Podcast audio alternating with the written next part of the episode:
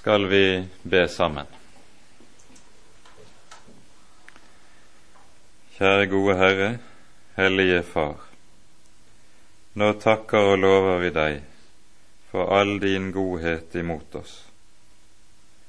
Takk, Herre, at du vil være vår Gud, og at du har gitt oss din egen sønn, for at vi skal få lov til å være dine barn. Takk, Herre, at du har bøyet deg så dypt ned at også vi som bor her, i dypet og i mørket, skal få lov til å få eie deg og bo i lyset i ditt rike.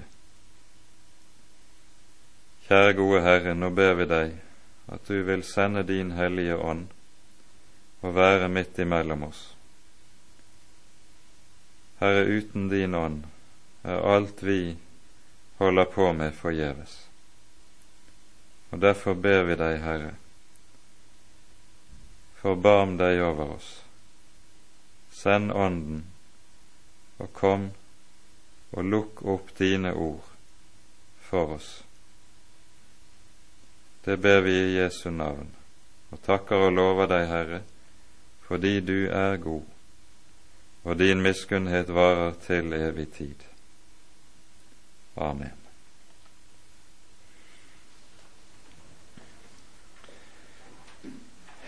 Sist gang startet vi altså på gjennomgangen av det femte kapitlet, og vi rakk å gå gjennom et riktig stort avsnitt, hele fire første versene.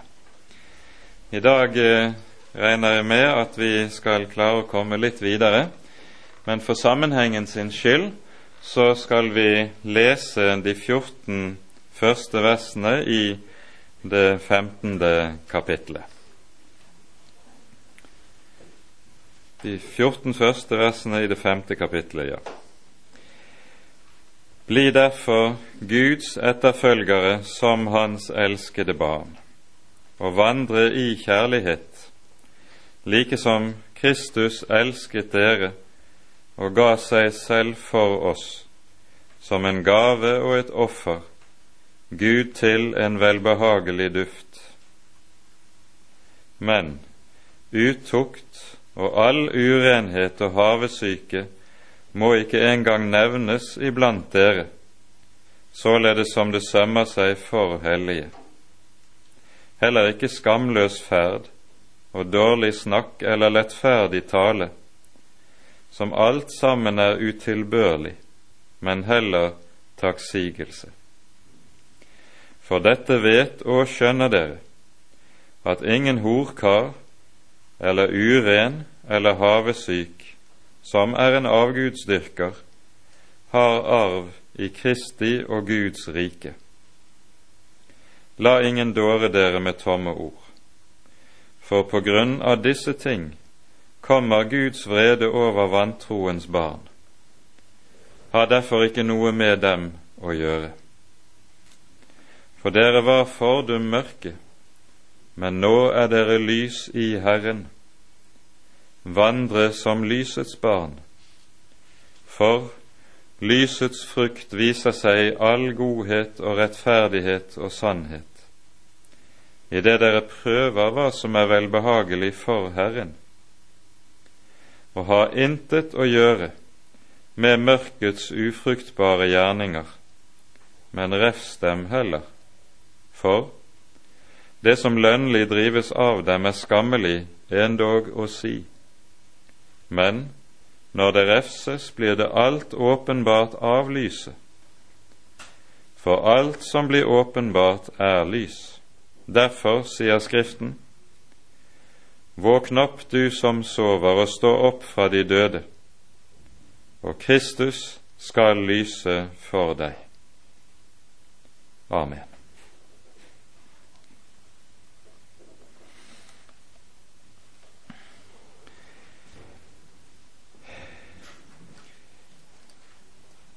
Når vi nå begynner på det femte verset, så summerer det femte verset opp det vi har hørt i de par foregående versene.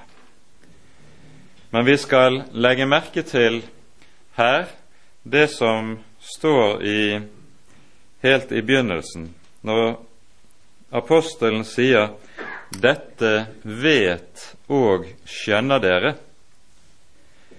Det uttrykket sikter til det som er den særlige kristne kunnskapen. Den kunnskap som kjennetegner Guds barn og Guds folk, og som er særegen for den kristne tro. Vi hører apostelen bruke lignende uttrykk i flere andre sammenhenger i brevene sine. Og alt sammen henger i hop med det som Paulus skriver i Romerbrevet i det sjette kapittelet. Her sier Paulus slik i vers 17.: Gud være takk at dere vel har vært synd, syndens tjenere, men nå av hjertet er blitt lydige mot den lærdomsform som dere er blitt overgitt til. Legg merke til det uttrykket. Blitt lydige mot en lærdomsform. Og Det er den særlige lærdomsform altså som kjennetegner troen, og som Paulus eksempelvis her i Romane 6 refererer til gjentatte ganger, f.eks. med uttrykk som sier 'Vet dere ikke at?' Den kristne tro har nemlig et meget klart og bestemt sannhetsinnhold, som kalles altså for en lærdomsform.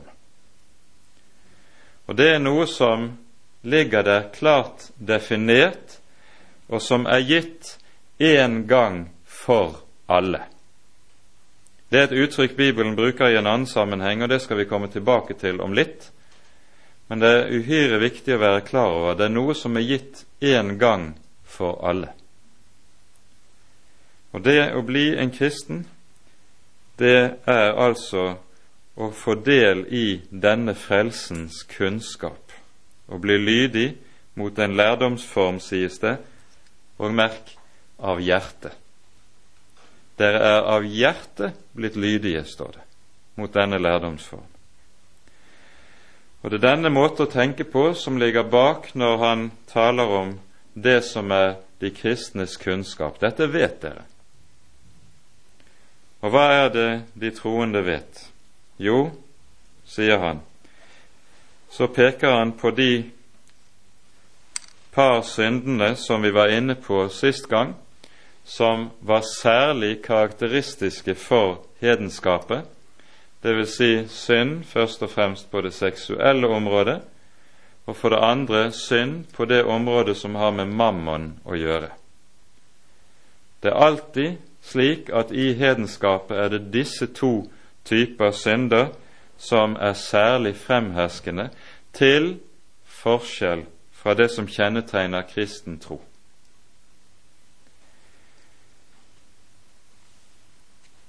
Uttrykket som Paulus bruker her, det finner vi også i en annen viktig sammenheng i Det nye testamentet, nemlig i første Korinterbrev i det sjette kapittelet.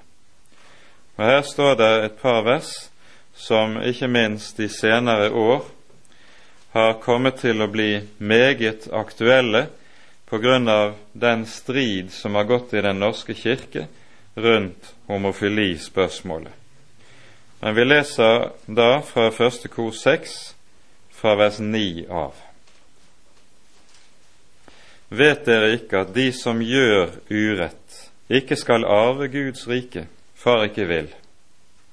Verken horkarer eller avgudsdyrkere eller ekteskapsbrytere eller bløtaktige eller de som synder mot naturen, eller tyver eller havesyke eller drankere eller baktalere eller røvere, skal arve Guds rike. Således var det også med somme av dere, men dere har latt dere rense. dere er blitt helliget, dere er blitt rettferdiggjort i den Herre Jesu navn og i vår Guds ånd. Det apostelen her taler om, det er det som vi gjerne med gammel kristen språkbruk kaller for forskjellen på det å leve i synd og det å falle i synd. Også en kristen kan falle i synder, ja, også grove synder på de områdene som her er omtalt. Men når han gjør det, så vil han så blir dette en slik nød for han at han får ikke fred før han har kunnet få visshet om på ny å komme i et rett forhold til Herren og eie syndenes forlatelse. En kristen kan falle i synd, men det å leve i synd, det er å gjøre synden til sitt element. Og det som da kjennetegner det, det er at en ikke bare plumper uti og gjør det som er urett, og som er i strid med Herrens bud, men det er at en da også fortsetter å leve i det slik at en forsvarer det en lever i, i strid med Guds ord. Å leve i synd er altså kjennetegnet av to ting en fortsetter å leve i det, for det første, og for det andre, mot Guds ord, i strid med Guds ord, så forsvarer en det liv en søker å innrette seg i. Det kjennetegner det å leve i synd. Mens det å falle, det er altså kjennetegnet nettopp av det at en ikke vil forsvare. Tvert om får en ikke ro og fred før en får tilgivelse for det en har vært ute i. Og Her er det vi ser også den store forskjellen på den som er en kristen, kristen den som er omvendt, og den som er uomvendt. Og Derfor er det altså også slik at Paulus i denne sammenheng ikke taler om omvendte troende, men taler om uomvendte mennesker som lever i dette. En sak som særlig er aktuelt, og som kan være viktig å peke på i vår tid, eh, når det gjelder det Paulus taler om helt konkret her, det er det som har med samboerskap å gjøre. Bibelen er meget tydelig og meget klar på at samliv mellom mann og kvinne skal kun innledes der det er offentlig vigsel. Innleder en samliv uten offentlig vigsel, det som man tidligere gjerne kalte for papirløse ekteskap, i dag samboerskap, så har Bibelen et meget klart navn på det. Bibelen kaller det hor. Og Det innebærer også at det som vi av og til kan høre om, tale om i våre dager når det snakkes om kristne samboere, det er en selvmotsigelse. Enten er en en kristen og lever sant med Herren, da er en ikke samboer. Eller så er en en samboer, men da er en ikke en kristen. Da vandrer en i mørket. Slik taler Bibelen om disse ting. Og Dette tror jeg er uhyre viktig å være klar over, at her er Bibelen helt entydig. Bibelen kjenner intet annet samliv eller ingen annen samlivsform mellom mann og kvinne enn ekteskapet, det offentlige inngåtte ekteskapet mellom en mann og en kvinne. Og det skal gjelde, sånn som Skriften sier, inntil døden skiller ad. Derfor dette kunne være kanskje nødvendig at vi tok frem i denne sammenheng, for i og med at apostelen er så tydelig når det gjelder og konkret på dette området. Og Det vi da skal være oppmerksom på, er at den tid og kultursituasjon som apostelen taler inn i, er en tid som er helt lik i rent sedelig eller moralsk forstand, helt lik vår egen tid. Det som var den vanlige livsstil i Romerriket, det var det nøyaktig det samme som vi har det i dag. Samboerskap. Man levde sammen for en tid, og så flyttet fra hverandre, og så fant man en ny og levde sammen en ny tid, og så flyttet man videre. Akkurat som i dag var det den gang. Det er intet nytt under solen. Og Det som da kjennetegnet de kristne, det var nettopp det at også på dette området hadde de en helt annen livsstil enn det som var vanlig i hedenskap. Det var helt iøynefallende, og folk var klar over det. De kristne levde annerledes på dette området. Apostelen sier da altså den som lever, dvs. Si innretter seg slik at han lever i synd, han har ikke arv i Kristi eller Guds rike. Dette er noe som skiller et menneske fra Gud og lukker himmelen for et menneske. Og himmelen kan bare åpnes igjen gjennom at en omvender seg, og at en bekjenner sine synder, så en kan også få forlatelse for det. Her er Bibelen meget tydelig og meget klar. Men så gir også Bibelen det veldig klare løftet som vi hører i 1. Johannes brev kapittel 1. Dersom vi bekjenner våre synder, da er Han trofast og rettferdig, så Han forlater syndene og renser oss fra all urettferdighet. Og det gis ikke den synd som ikke kan forlates. Det gis ikke det fall som er så dypt som Herren ikke kan rense fra.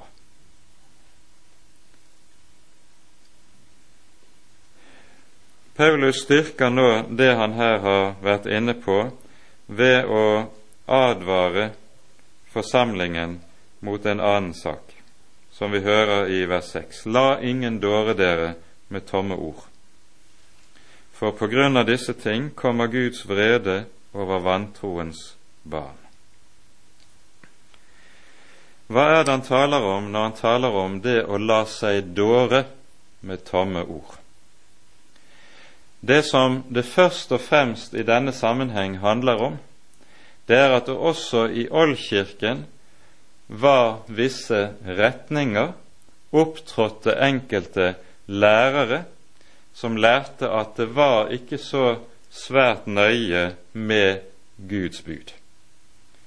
Vi har flere eksempler på disse i Det nye testamentet. Eksempelvis så hører vi om i et par av sendebrevene i åpenbaringen om noe som kalles for nikolaitenes lære.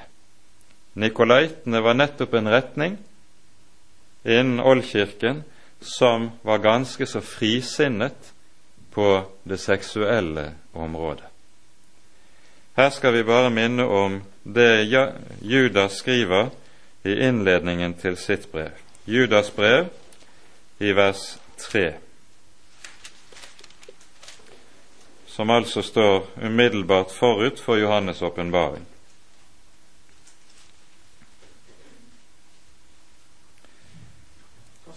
Judas brev, vers 3 og 4.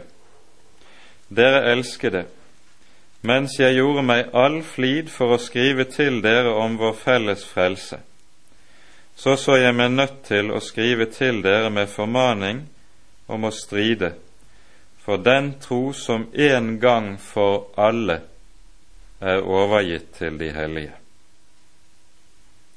For noen mennesker har sneket seg inn som denne dom allerede for lengst er oppskrevet for, ugudelige som forvender vår Guds nåde til skamløshet, og altså dermed nekter vår eneste hersker og Herre, Jesus Kristus.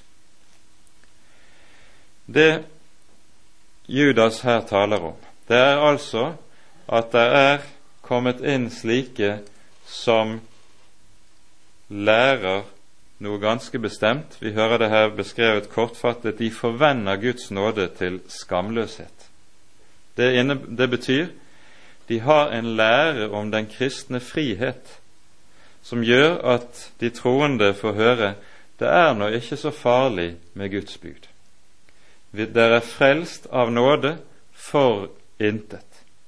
Når dere er kommet til troen på Jesus, da er dere også frie.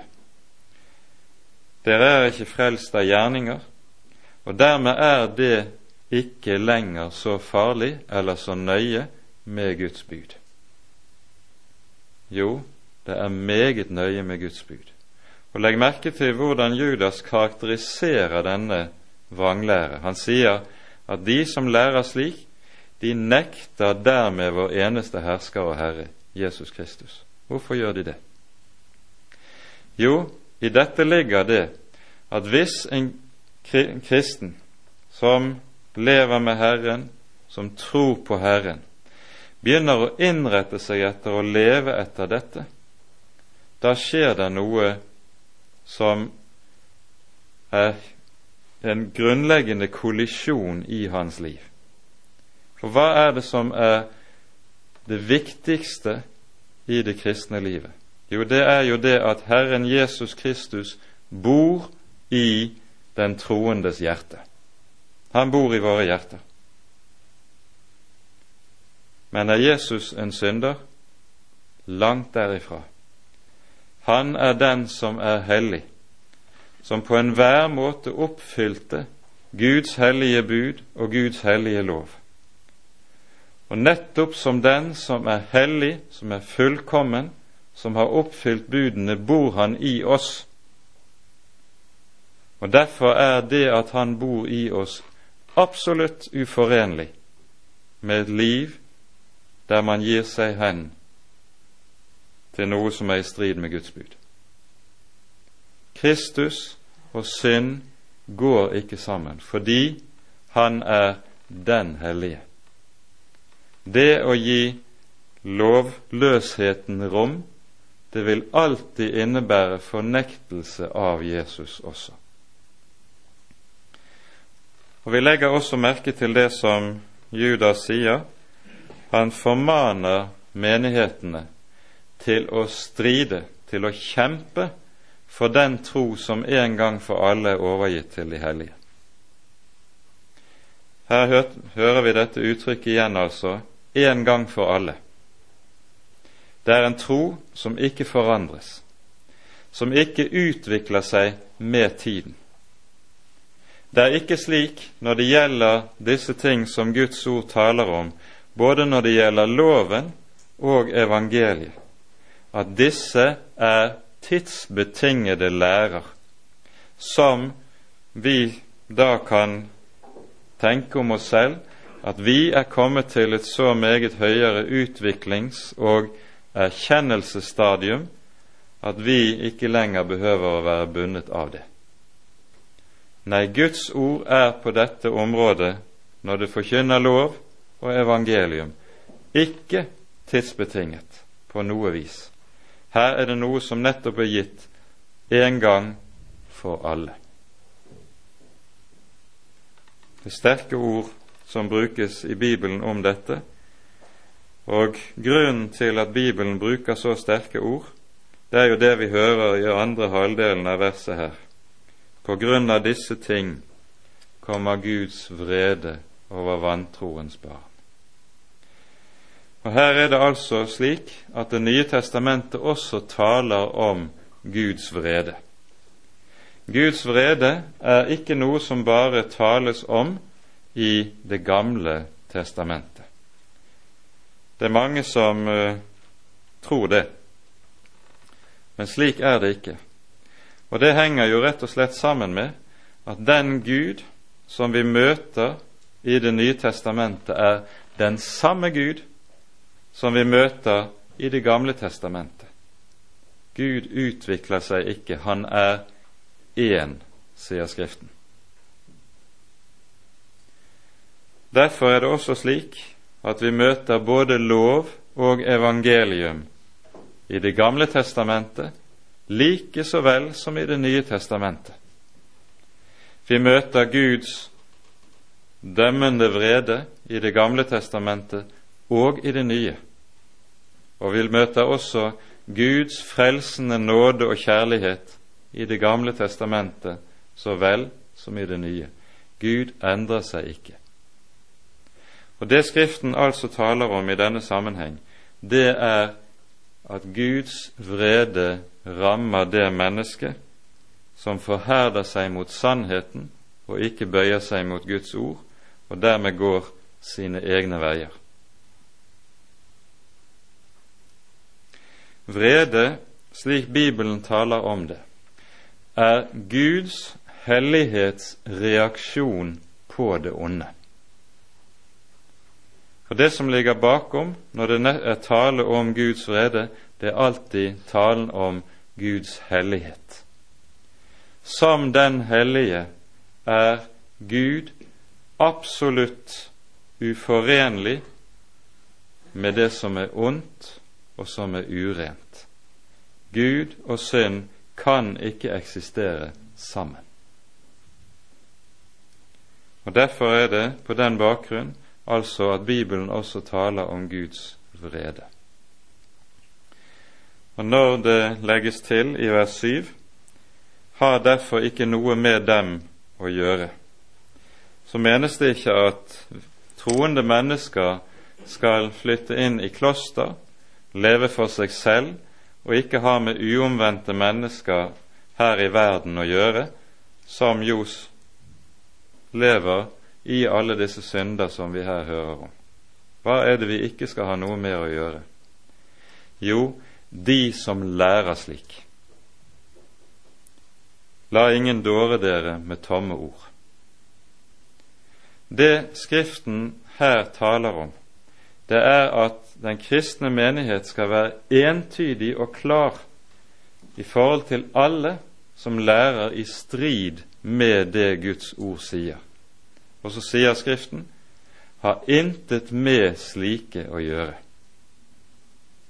I Johannes andre brev sies det meget tydelig om dersom det kommer noen og fører slik lære, så sier, sies det til de troende dere skal ikke ønske dem velkommen i deres hus, for den som ønsker dem velkommen, blir medskyldig med dem i deres onde gjerninger. Og da er det tale om først og fremst, når det taler om våre hus, så er det jo tale om først og fremst om våre gudshus. For det er ikke og skal aldri være samfunn med vranglære i den kristne menighet. Vranglære er noe som den kristne menighet alltid skal være meget nøye med og avgrense seg i forhold til, og denne avgrensning skal foregå på dobbelt måte, både saklig, ved at vi klart sier hva som tro, er troens sannhet, og hva som ikke er det, men den er altså også personlig. De som fører slik lære, skal vi ikke ha noe med å gjøre. De skal ikke ønskes velkommen i våre gudshus, og vi skal ikke kalle dem verken som talere eller bruke dem i annen sammenheng, og ei heller skal vi stå i fellesskap med dem. Og Derfor var det slik også i den første kristne kirke at der hvor det var tale om slik vranglære, der var det også på det vis at det ikke var samfunn rundt Herrens nadværbord. De som førte slik lære, de ble utelukket fra Herrens nadvær. Så grunnleggende var dette i den gamle kirke. Når Paulus nå har dratt en sånn veldig klar linje på dette området, så fortsetter han nå positivt og sier For dere var fordum mørke, men nå er dere lys i Herren, vandre som lysets barn.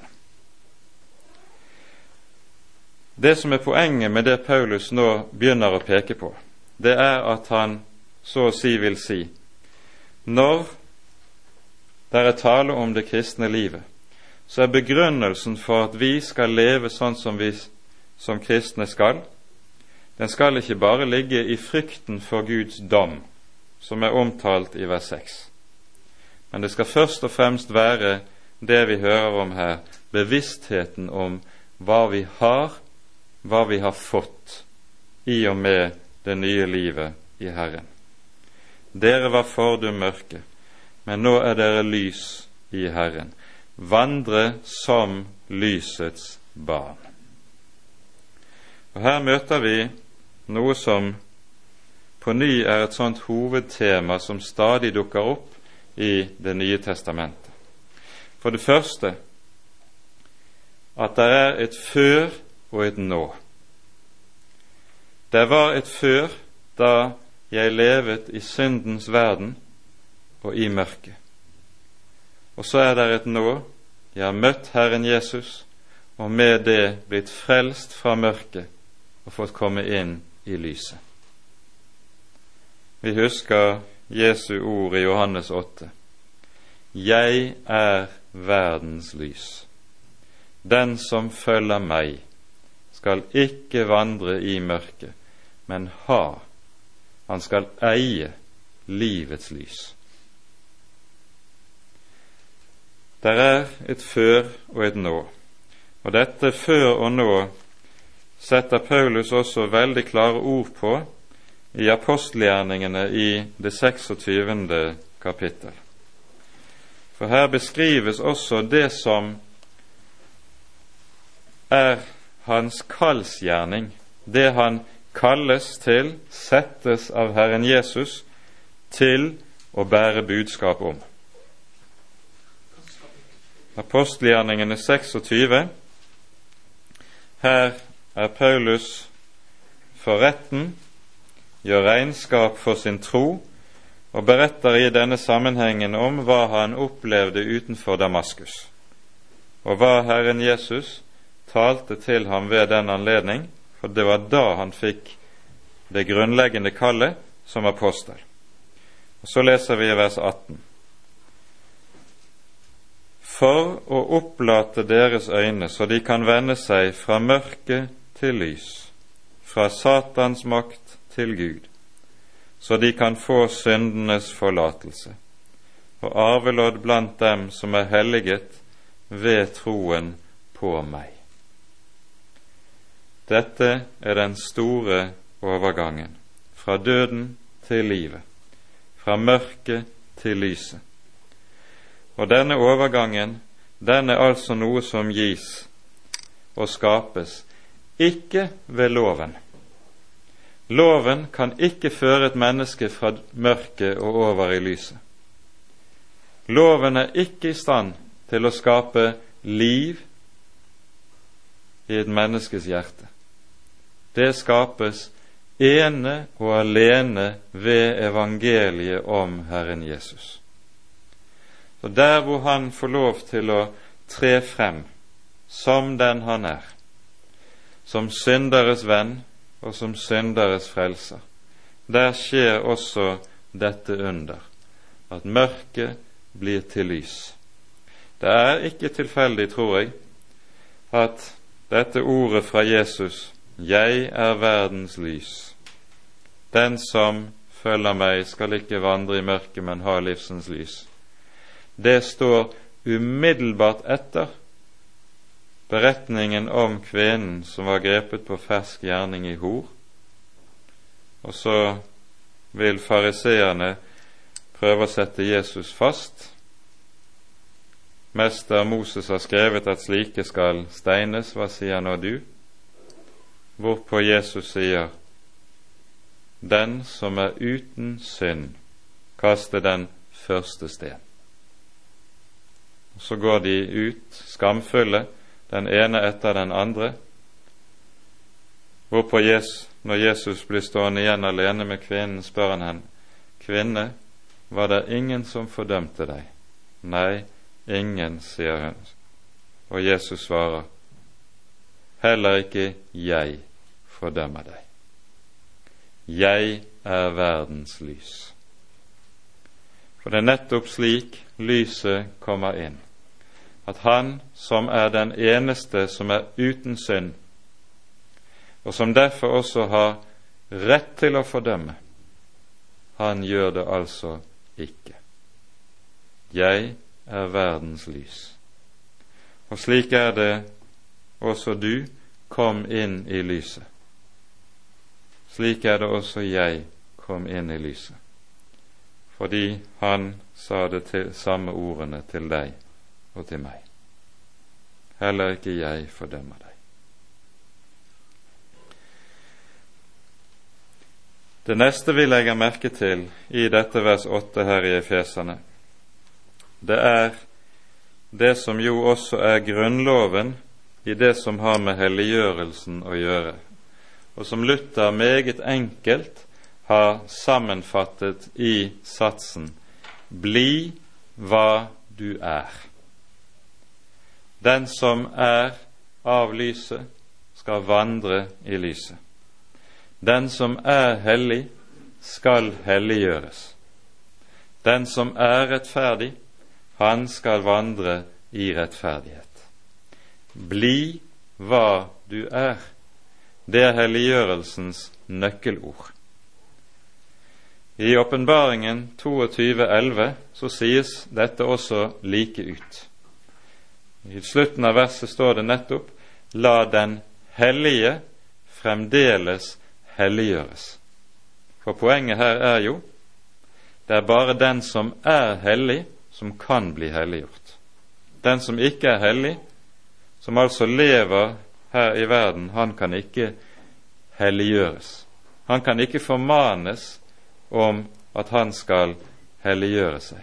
Han må omvende seg og helliges i troen før der i det hele tatt kan tales noe videre om det som har med livet og helliggjørelsen å gjøre.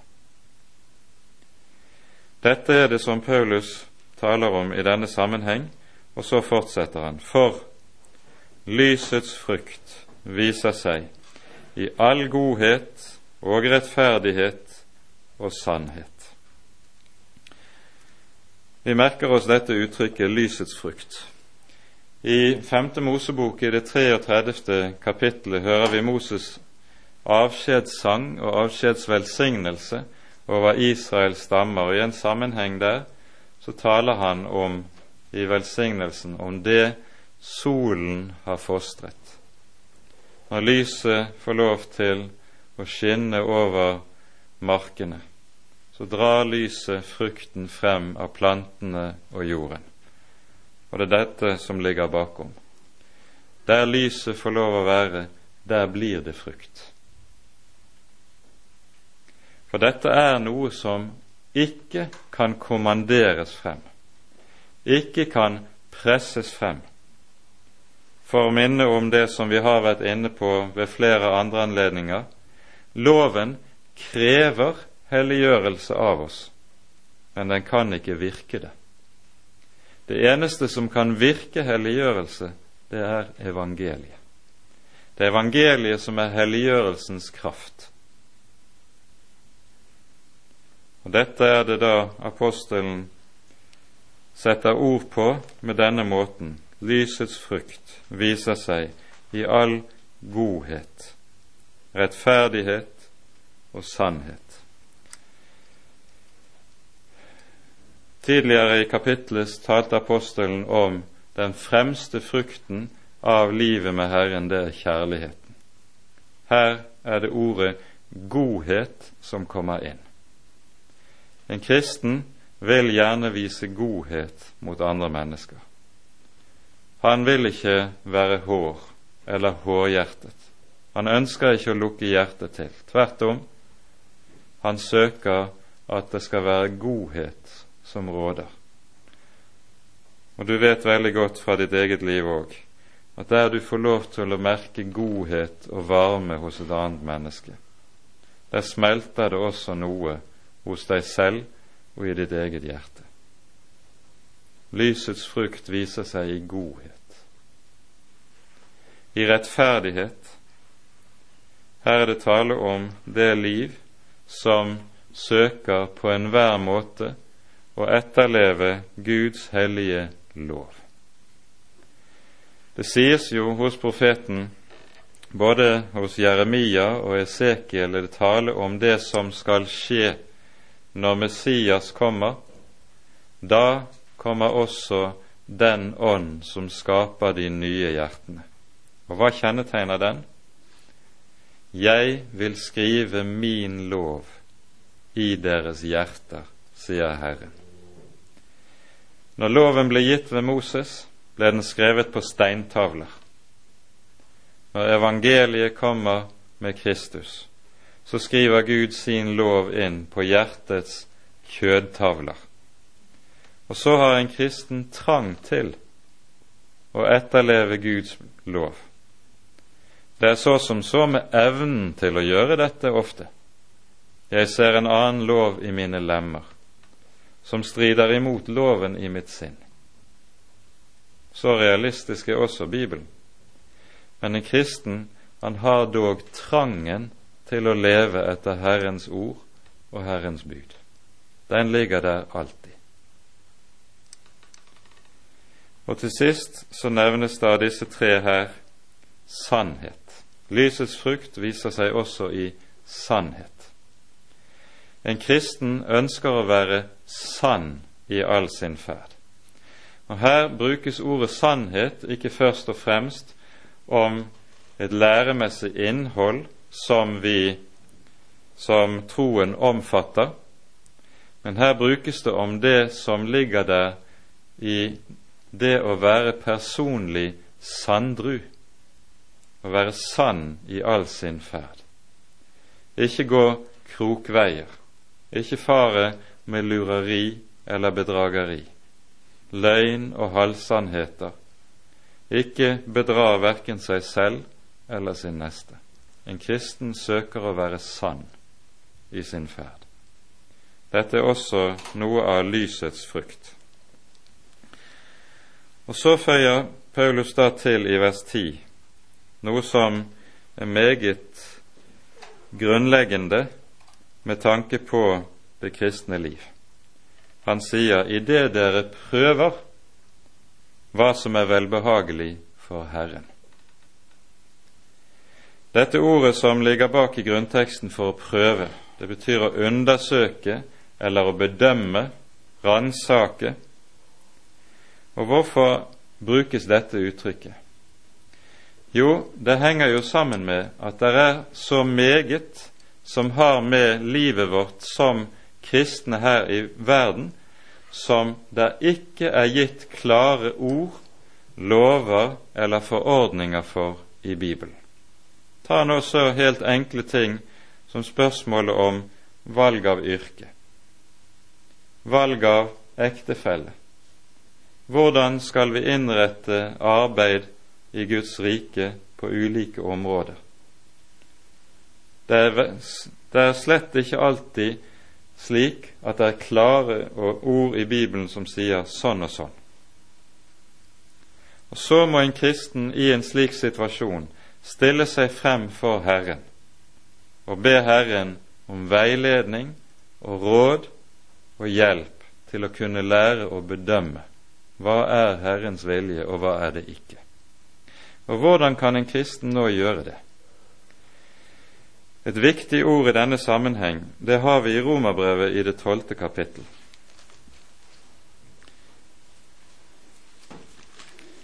Vi leser Romerne 12, vers 1 til 2.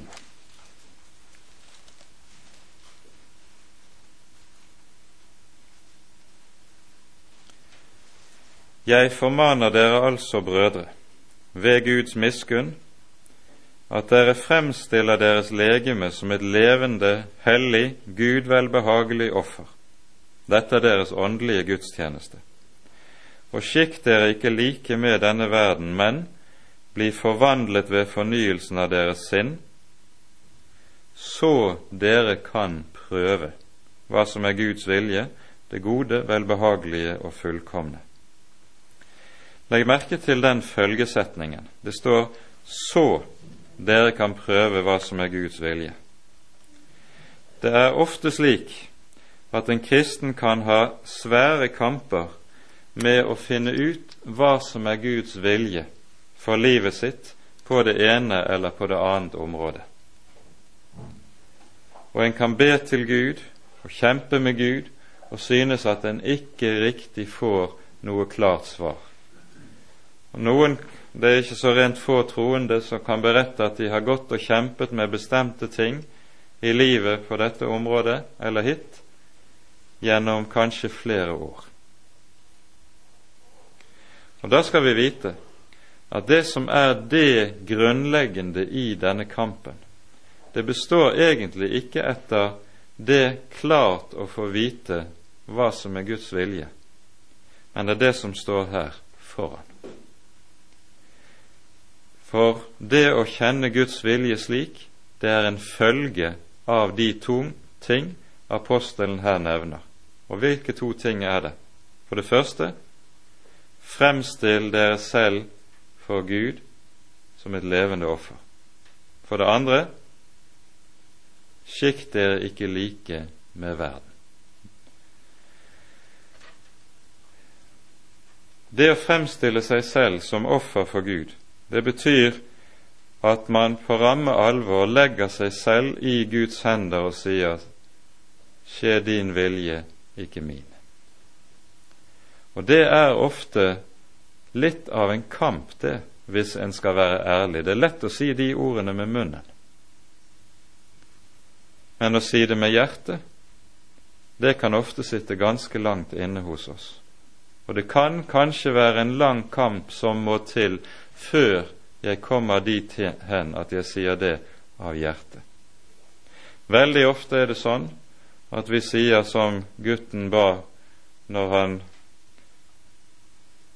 lurte på dette med ektefelle Skje din vilje, Gud, men jenta vil jeg ha. Veldig ofte er det sånn vi kan gjøre det.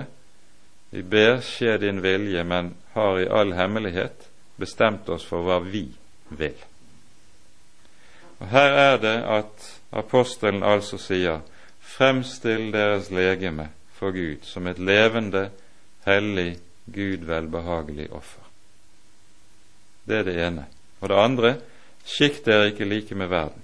Det vil si, det som en kristen skal ta seg godt i vare for, det er å tenke og vurdere med samme målestokker som det gjøres her i verden.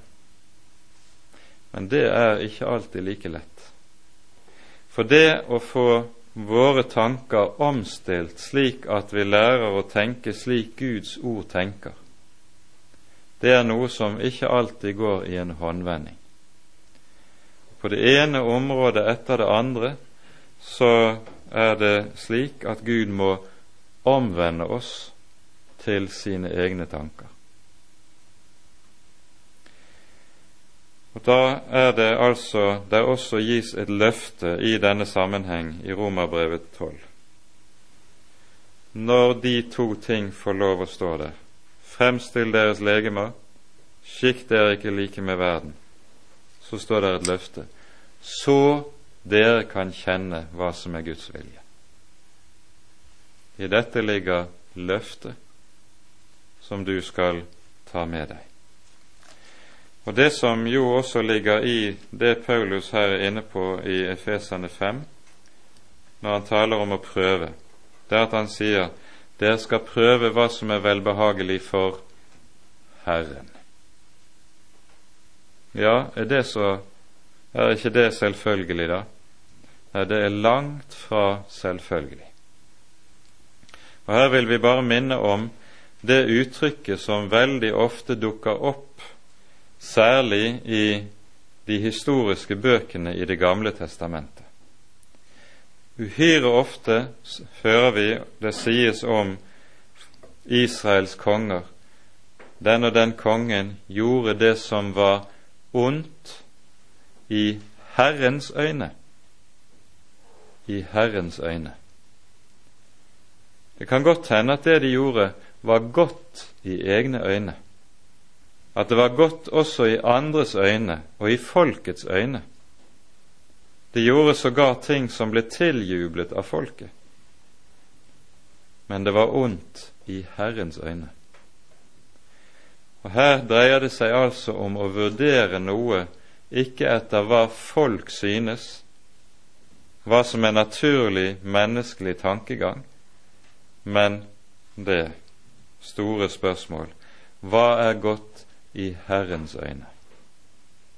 Det er det en kristen gjerne vil, og han trakter etter. Og så understreker Paulus igjen å ha intet å gjøre med mørkets ufruktbare gjerninger, men refs dem heller. Her kalles mørkets gjerninger ufruktbare, og vi skjønner bildet. Akkurat som frukt gror frem der det får rikelig med lys og sol og varme, så er det sånn at intet gror i mørket. Av måneskinn gror der ingenting, er det en bok som heter, og det er sannelig sant på hagelivets og fruktdyrkningens område. Men refs dem heller. Hva vil det si å refse? Å refse det Her er det først og fremst tale om å refse noe som er hos seg selv. Her er det ikke tale om å gå på jakt etter andre og være åndelig politi overfor andre mennesker. Men her er det tale om å prøve seg selv og sitt eget liv. Paulus skriver i Korinterne 11, første kor 11, slik Dersom vi dømte oss selv, ble vi ikke dømt. Legg merke til det. Første kor 11, vers 31. Dersom vi dømte oss selv, ble vi ikke dømt. Det som er motsetningen til det sinn som det her er tale om, det er det som er et uttrykk fra Det gamle testamentet kalles for å hate tukt. Det å hate tukt, det betyr at når Guds ord kommer og peker på noe i mitt liv og sier 'det må du gjøre opp med', der lukker jeg mitt eget hjerte og så vil jeg i stedet forsvare, unnskylde, det som Herren peker på. Det er å hate tukt. Og det er åndelig talt livsfarlig. Derfor er det altså dette ligger der som noe av et grunntrekk i alt sunt kristent liv. Refs det heller, sier apostelen. Det er det som vi kunne tale om at en kristen vil alltid ha en sunn selvkritikk, dvs. Si at han bedømmer seg selv i Guds ords lys. Og slett ikke skal han være snar til å være ute med selvforsvar når Guds ord pirker i noe i sitt eget hjerte. Det er det som er naturlig for oss. Vi vil så gjerne unnskylde eller forsvare oss selv. Men det på denne måten å være åpen slik, det er helt avgjørende for et sunt kristent liv. Og det er det som også kalles for å leve i og å vandre i lyset. Der slår vi opp i Johannesevangeliet kapittel 3.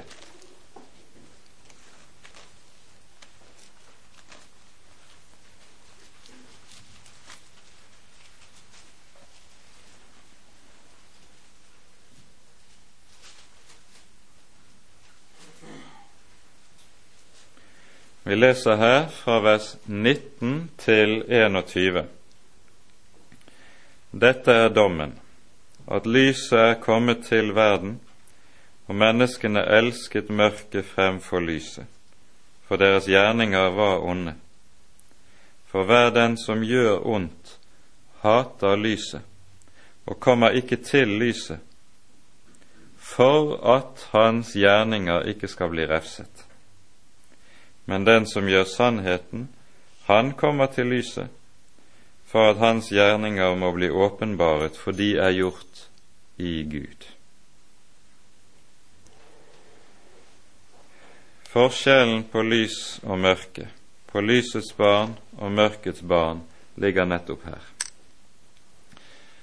Det, vi vet jo godt at det er en del dyr som er slik at de trives best i mørket. Er det, er det et rom hvor det f.eks. er kakerlakker, så elsker de å trave omkring i mørket. Kommer du inn i rommet, skru på lyset, så piler de av sted og gjemmer seg. Slik er også mørkets barn. Det tåler ikke lyset. Men lysets barn, de lever i lyset åpent med Herren. Og om Herren avslører, om Herren trekker frem det ene etter det annet i livet som han avslører, så takker jeg. Hvorfor? Fordi det alltid er til liv. Når Herren tar tak i ting i mitt eget liv og i mitt eget hjerte, så gjør han det ikke for å plage meg. Det er ikke fordi han har noe imot meg, men det er fordi han tvert om har sitt barn kjært. Og Derfor er det også det lyder i den 94. salmen om nettopp disse ting et ord som kan være godt å lære seg utenat, uh, det vi hører her. Salme 94, vers 12 og 13.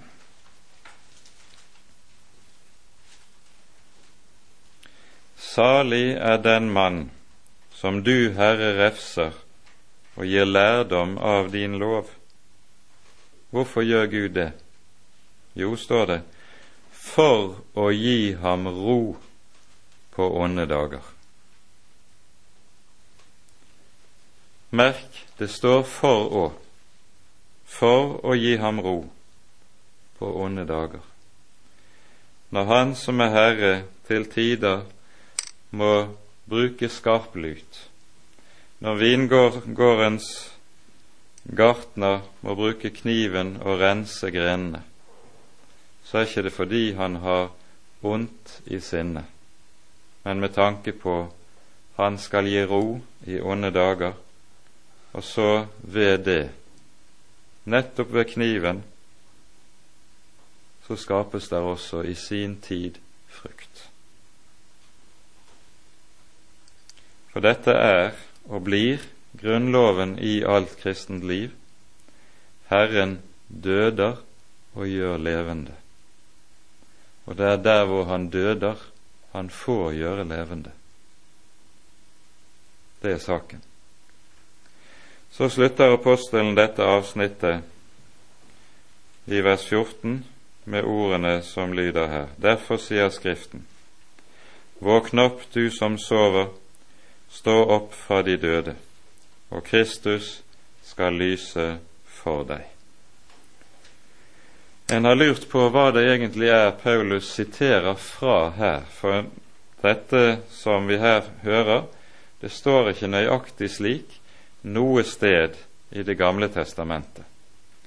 Men antagelig er det slik at Paulus her siterer på den måten som skriftlærde ofte gjorde det, med å ta ord fra ulike vers forskjellige steder, og så koble de sammen, slik så, og så får vi det sånn som det står her. Og Antagelig har disse ordene som Paulus på denne måten legger frem, vært brukt som en dåpshymne i Oldkirken. De fleste som arbeider med Oldkirken, mener at dette antagelig ligger bak. Og Det man da tror har vært tilfellet, er at når den døpte steg opp av dåpsvannet, så ble disse ordene sunget. For, gjennom vannet gikk en fra døden til livet, fra mørket og til lyset. Og så skal Kristus lyse for oss. Et av de ordene som ligger bakom, er i hvert fall det vi hører hos Jesaja i det 60. kapittelet. Og vi slutter med de par versene som vi finner der. Jes Jesaja kapittel 60.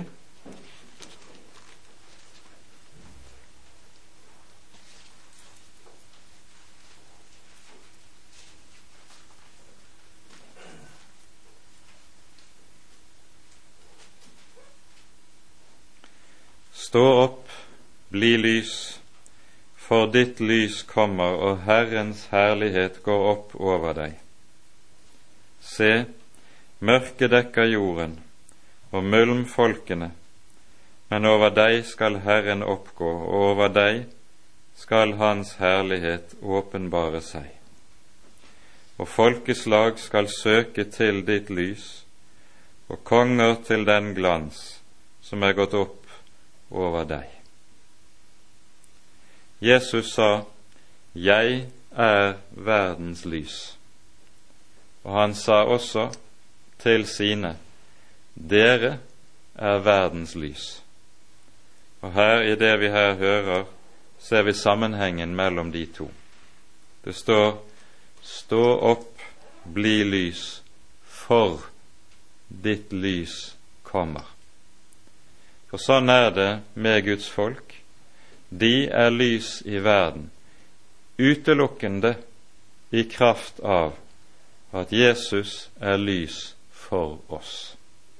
Utelukkende i kraft av det. Er Jesus mitt lys, så skal det nok bli lys. Stå opp, bli lys, for ditt lys kommer. Amen. Ære være Faderen og Sønnen og Den hellige ånd, som var og er og være skal en sann Gud, høylovet i evighet. Amen.